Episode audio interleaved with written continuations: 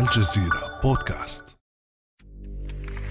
داخل حديقة البيت الأبيض كانت الحشود تصفق احتفاء بتوقيع اتفاق أوسلو وبتجسيد حلم الرئيس الأمريكي بيل كلينتون على أرض الواقع.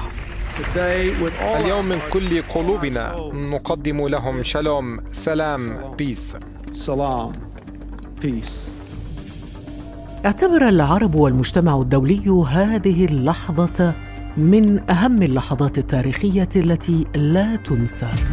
في الثالث عشر من سبتمبر أيلول من عام 1993 وقعت منظمة التحرير الفلسطينية على اتفاقية أوسلو بين الرئيس الفلسطيني الراحل ياسر عرفات ورئيس الوزراء الإسرائيلي حينها إسحاق رابين لم يكن ياسر عرفات راضيا عن توقيع الاتفاقية ولكنه كان يرى فيها خطوة أولى على طريق بناء الدولة الفلسطينية. ونحن عندما وقعنا هذا الاتفاق في أوسلو إذا كان في أي واحد فيكم عنده اعتراض أنا عندي 100 اعتراض جنبي.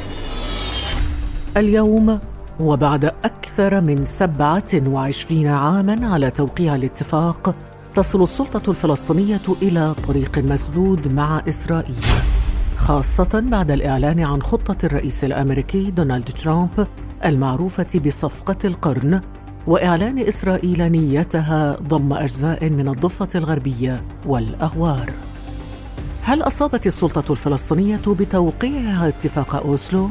وما الذي قدمه الاتفاق للفلسطينيين؟ وهل أطلقت إسرائيل رصاصة الرحمة على الاتفاق دون دفنه؟ بعد أمس من الجزيرة بودكاست أنا خديجة بن جنة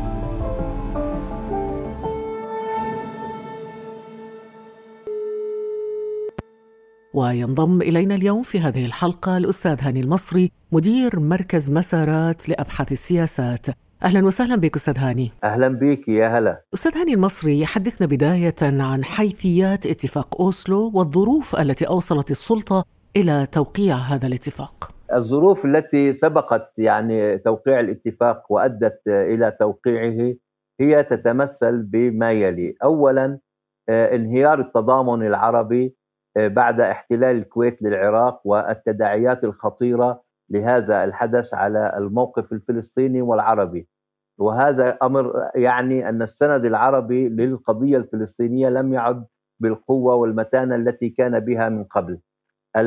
التطور الثاني هو انهيار الاتحاد السوفيتي والمنظومة الاشتراكية وهذا كان سند دولي يعني موثوق لأن الاتحاد السوفيتي وقف إلى جانب القضية الفلسطينية والحقوق الفلسطينية.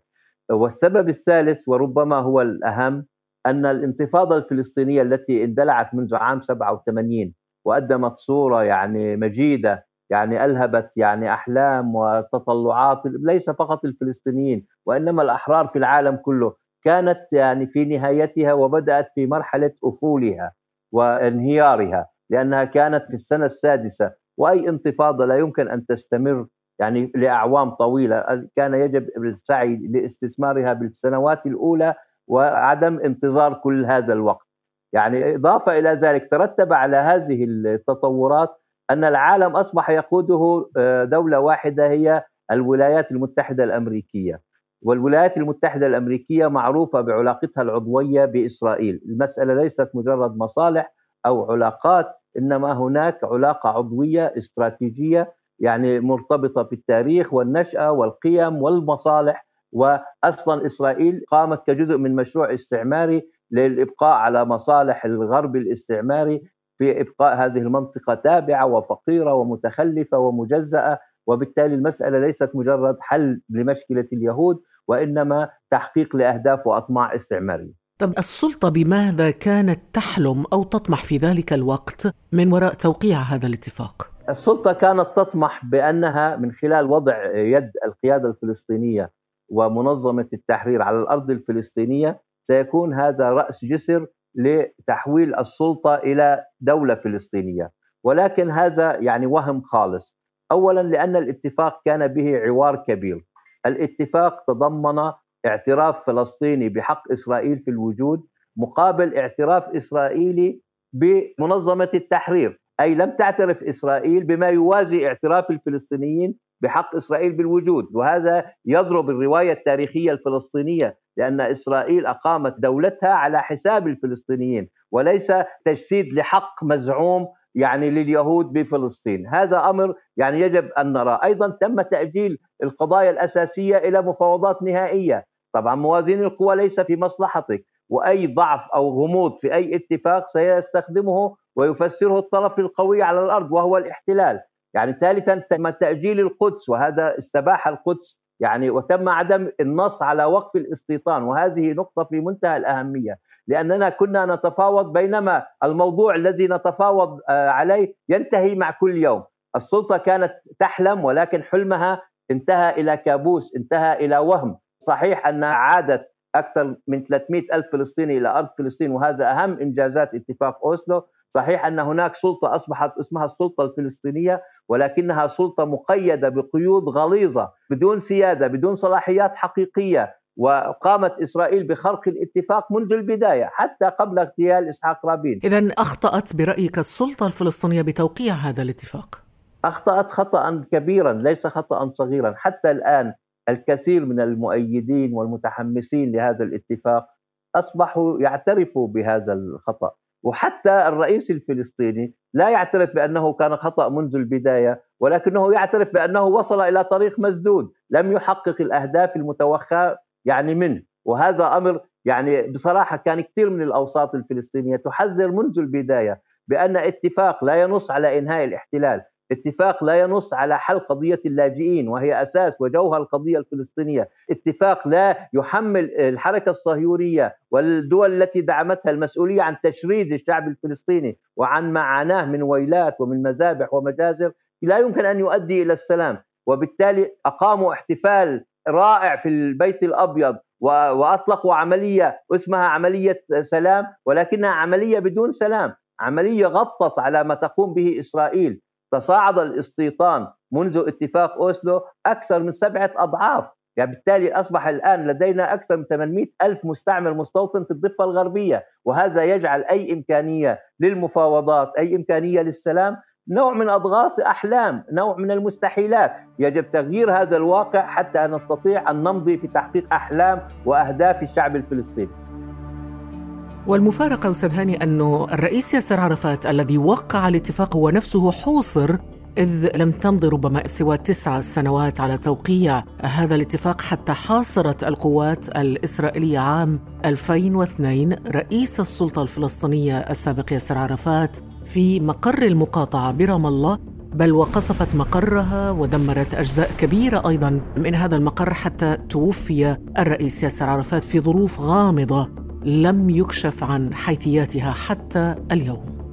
يريدوني إما أسيرا أو إما طريدا وإما قتيلا. لا أنا بقول لهم شهيدا. شهيدا شهيدا شهيدا.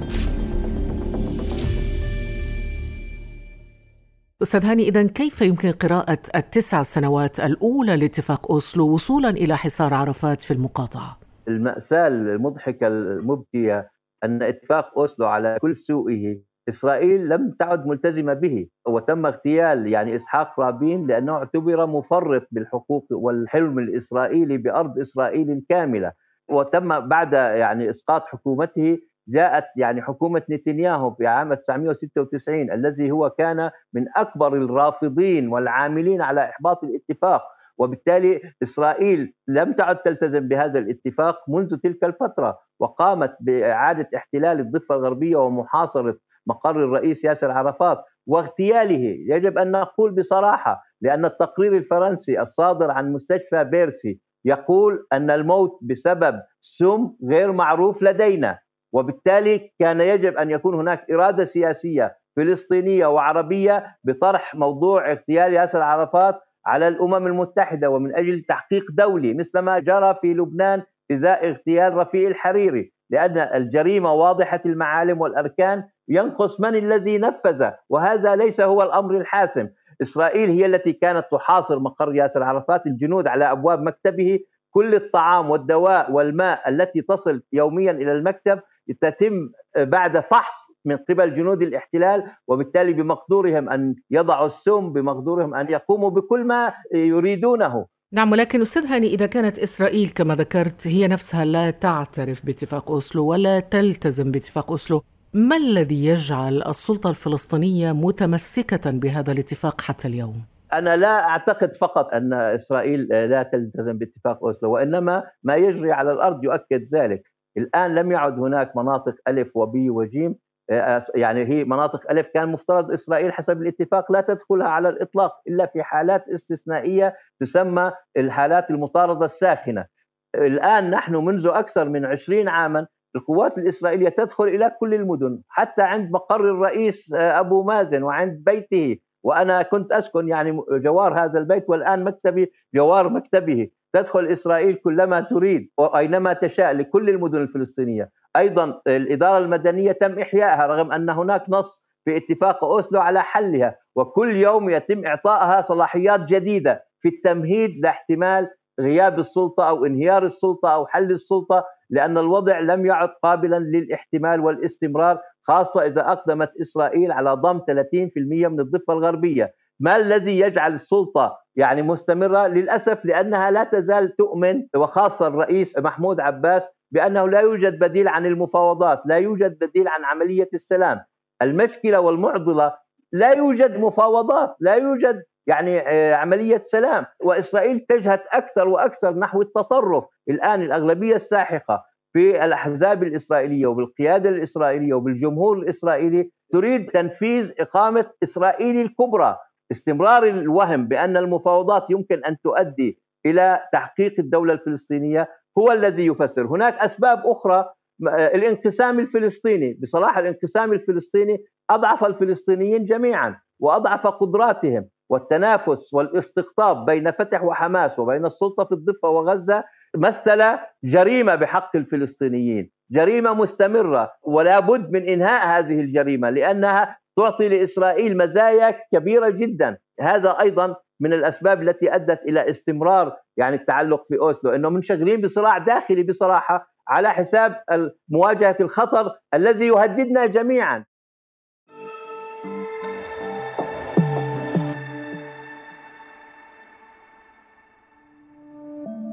ابدأ بالاستماع الآن ولا تنسى تفعيل زر الاشتراك الموجود في تطبيقك لتصلك حلقاتنا اليومية فور صدورها.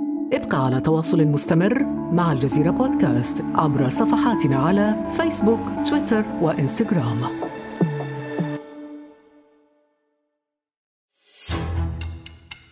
إذا أستاذ هاني السببان الرئيسيان برأيك أسباب تمسك السلطة الفلسطينية بالاتفاق هو أنه لا بديل حتى الآن عن هذا الاتفاق وأيضا الأطراف الفلسطينية منشغلة بالانقسامات الداخلية. ولكن رغم ذلك الرئيس محمود عباس قرر التحلل من الاتفاقيات مع إسرائيل في تصريح سنستمع إليه وذلك ردا على مخطط الضم. إن منظمة التحرير الفلسطينية ودولة فلسطين قد أصبحت اليوم في حل من جميع الاتفاقات والتفاهمات مع الحكومتين الأمريكية والإسرائيلية ومن جميع الالتزامات المترتبة على تلك التفاهمات والاتفاقات بما فيها الاتفاقات الأمنية. إذا أستاذ هاني السلطة في حل عن كل الاتفاقيات والتفاهمات مع الحكومتين الأمريكية والإسرائيلية. هل هذا موقف حقيقي فعلا يمكن أن يطبق على أرض الواقع؟ اولا هذا موقف جيد ويجب أن ندعمه آه، ولكنه إذا لم يترافق مع استخلاص الدروس والعبر من التجارب السابقة ومع وضع استراتيجية جديدة تحدد ما العمل لأننا لا يكفي أن نرفض وتمضي إسرائيل في الإبل مثل ما يقولون يجب علينا أن نضع يعني كل المقومات الضرورية السياسية والاقتصادية والتنظيمية والشعبية والكفاحية والقانونية لأن القضية الفلسطينية قضية عادلة ومتفوقة اخلاقيا ولأن الشعب الفلسطيني لا يزال مصمم على الدفاع عن حقوقه ولأن القضية الفلسطينية لا تزال تؤثر على الأمن والاستقرار في العالم كله. وبالتالي نحن لسنا ضعفاء ولسنا يعني في وضع ميؤوس حتى نقول أنه لا يوجد لدينا بديل. البديل يبنى ولا يهبط من السماء ولا يصعد من باطن الأرض. تبنيه الإرادة يبنيه الوعي. اذا ما هي البدائل برأيك أستاذ هاني؟ البدائل هي أن نقتنع مرة واحدة وإلى الأبد أننا لسنا أمام دولة فلسطينية على مرمى حجر. وإذا جاء بايدن أو إذا جاء زعيم في إسرائيل مختلف عن نتنياهو. هذه المسائل وهذه الأوهام جربناها 30 سنة. لأنه حتى لو جاء صديق للفلسطينيين إذا لم نكن نحن قادرين على الدفاع وعلى إيذاء الاحتلال وجعله احتلال مكلف وجعل إسرائيل تقتنع مجبرة بأنها يجب أن تعطي للفلسطينيين على الأقل الحد الأدنى من حقوقهم لا يمكن أن يكون هناك بديل. فهذا يعني يجب أن يكون الأولوية للوحدة للوحدة الوطنية. زي ما صار عبر التاريخ المخاطر التي تهدد الشعوب توحدهم حتى لو كانوا مختلفين حتى لو كانوا متناقضين بشكل رهيب للغاية. الخطر المشترك يوحد. نعم هل هناك بوادر يعول عليها في المصالحة الفلسطينية؟ هناك محاولات لكنها غير ناضجة. أنا خبير في هذا الأمر وكنت عضو أصلا في لجان الحوار الفلسطيني منذ البداية ولكن رغم الحاجة الماسة ورغم أن الآن من عدم المسؤولية عدم التقدم نحو الوحدة ولكن حتى الآن الأمور غير ناضجة لأن الطرفان يضعون شروط تعجيزية لأن كل طرف يراهن على متغيرات إقليمية وعربية ودولية ولا يراهن على الشعب الفلسطيني. طب على ذكر المتغيرات أستاذ هاني هل لو فاز المرشح الرئاسي الأمريكي جو بايدن هل يمكن أن تتغير الأمور؟ في بعض الجوانب نعم خاصة إذا نجح وكانت إسرائيل لم تقوم بالضم القانوني لأن الضم الفعلي قائم. أنا بقول برضه لا يجب أن نبالغ كثيرا بالضم القانوني ولا نقلل من أضراره وخطره مثل اللي سيطر على بناية ليست له وينتظر أن يحصل على الطابو. هم أقاموا البنيان للضم بشكل كامل. ينقص تشريعه مثلما قامت إسرائيل منذ البداية منذ البداية. أنشأت الدولة على الأرض ثم بعدين أقامت إسرائيل. ثم احتلوا القدس والضفة الغربية وبعد ذلك ضمت القدس وضمت الجولان. اذا المسألة بحاجة إلى أعمال وليس إلى كلمات بحاجة إلى إعطاء الأولوية للوحده على أساس القواسم المشتركة وستبقى هناك خلافات. ويجب توحيد المؤسسة الفلسطينية وبإطار الوحدة نختلف ونتنافس ونتنازع. هذا هو الأمر. لا أنا أقول الوحدة ستنهي الخلافات. الوحدة على القواسم المشتركة. الأستاذ هاني المصري مدير مركز مسارات لأبحاث السياسات. شكرا جزيلا لك. كان هذا بعد أمس.